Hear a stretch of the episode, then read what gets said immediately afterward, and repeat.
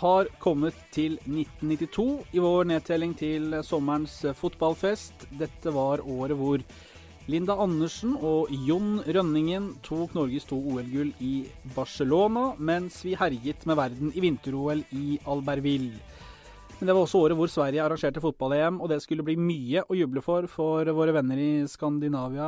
Lars Kjernås, takk for at du vil hjelpe oss med å mimre tilbake til de flotte sommerdagene i Sverige. Det er bare hyggelig, vet du. Jeg var der faktisk under stort sett nesten hele mesterskapet som en del av, av Norges Fotballforbunds gjeng som skulle skrive en rapport, så, så jeg fikk uh, sett kamper på nært hold. Ble det tid til å nyte den uh, svenske sommernatten også? Ja da, det, det ble det også. For det, vi, vi, var nå der i ganske lang tid, et par uker, tror jeg. Så ja. det gjorde det. Uh, det første jeg noterte meg her i forbindelse med EM92, Lars, er hvis du ser på de spillerne som var med der, så er det mange av de spillerne som ble proffe og var gode på en tid hvor fotballen virkelig ble glamorøs og pengene begynte å strømme inn.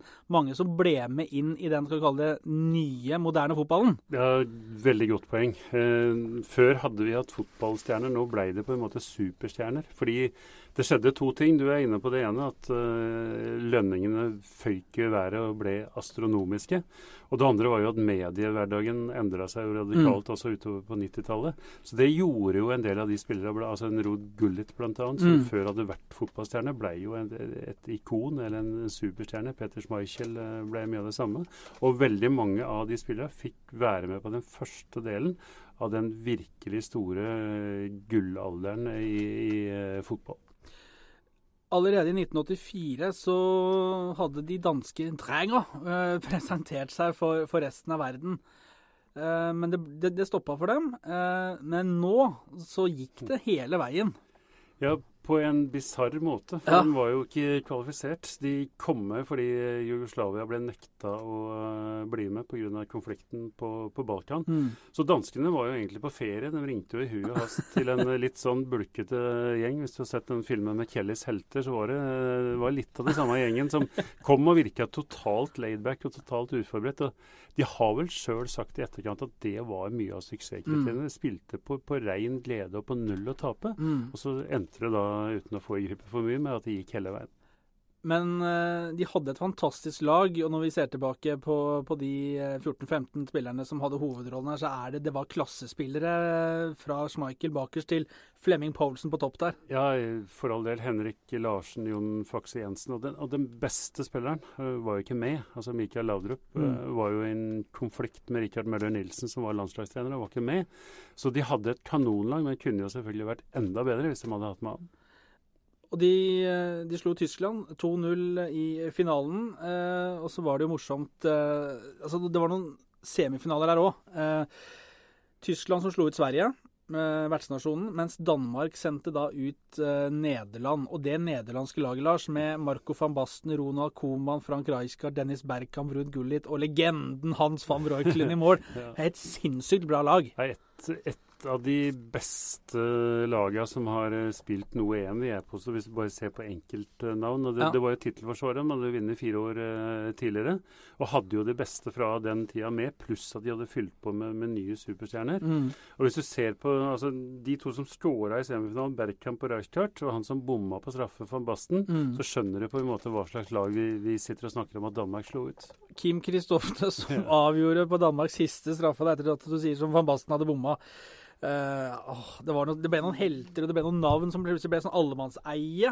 Ja, det var jo da det tok av. Fordi uh, gruppespillet hadde vært ganske stusslig, egentlig. Med, med bl.a. den ene gruppa med Sverige og Danmark så var det ni mål totalt sett på seks mm. kamper. Mm. Og så sa det pang i semifinalen med to kanonmatcher. Uh, både Sverige-Tyskland og Danmark-Nederland. Men før det så hadde det vært litt sånn opp og ned med, med kvaliteten. Og så husker vi jo finalen hvor uh, det blir 2-0 til danskene. Og så er liksom bare eventyret er Det er en av veldig fin fotballhistorie. Og det, det gynga jo på, på Nya Ullevi med, med, folk. Det var et rødt og hvitt hav, for danskene hadde jo skjønt hva som var på gang, og hadde kjøpt opp stort sett det som var av, ledige billetter. Så jeg, jeg husker de, altså de bildene ser jeg for meg hvor det gynga i det havet der. Eh, av herlig, litt sånn ikke fulle, men eh, gode og blide dansker, som bare dansker kan være. Og først skåra John Fakse Jensen av alle folk på jord, ja. som omtrent aldri hadde truffet mål med et eneste skudd. Hadde ikke prøvd engang. Og så skåra da Kim Wilfort, som litt spesiell historie, hadde et sjukt barn og veldig sånn rørende og fin historie. Mm. Jeg husker veldig godt den uh, fryktelige kneskaden til Henrik Larsen mm. med kneskåla som plutselig bare sto alle veier der, og det var liksom uh, Ja. Som hadde vært strålende og skåra to mål i semifinalen, og kanskje var den beste danske spilleren i Altså prestert best under hele mesterskapet, som, som da ble, som du sier, stygt skada. Det var jo et spesielt år, egentlig, 1992. Altså sånn, det var jo det var store omveltninger i Europa. Du var inne på det. Borgerkrig på Balkan. Jugoslavia fikk ikke være med. Eh, Sovjetunionen ble oppløst midt i kvaliken da før.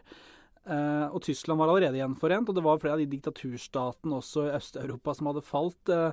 Også Danmark, da, som på en måte får det servert, eh, som du sier, som kommer inn fra ferie og liksom ja. Uh, ja. ja. Det eneste gangen det har vært et, et land som heter SUS, som var med.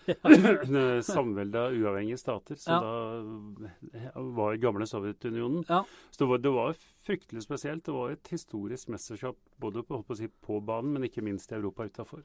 Vi var inne på Danmark. Det eh, blir jo mye Danmark, selvfølgelig, fordi, fordi, de vinner også. Eh, men Sverige Det ble jo en intern kamp der, for de var jo i gruppe med Sverige, Danmark, Frankrike og England.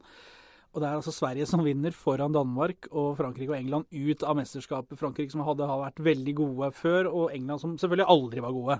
Ja, det, ja, det er sant det. Eh, Thomas Brolin ble matchvinner både mot Danmark og England i mm. innledende runder, så mm. Sverige var det beste laget veldig lenge og var egentlig gode i den semifinalen de tapte. Så de hadde et, et kanonlag og, som da tok bronse, altså med nesten samme laget, pluss mm. litt, mm. to år seinere. Så det var jo den store, nye, gylne svenske generasjonen som hadde kommet opp da. To fra Danmark på Olstad-laget, Peter Schmeichel og Brian eh, Laudrup. Brian jo som også hadde en eh, strålende karriere. Det var vel en periode sånn for Danmark at hvis Brian eh, Laudrup skåra, så tapte de ikke. Ja, og det Altså Michael Laudrup for meg er tidenes beste nordiske spiller, men mm. broren hans var søren ikke mye dårligere. Mm. Noe annet vi eh, ikke har vært innom fra 92? Skottland var med. Skottland var med. Ja.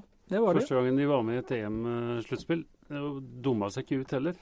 Hadde en del gode spillere og, var med og kunne dra hjem relativt stolte. Mm. I vår neste nedtelling så skal vi til England. 'Football's coming home', sang engelskmennene. Eh, det kunne jo ikke gå bra, det heller. Det kunne selvsagt ikke gå bra, for da var forventningene altfor store. Men det er en helt annen historie.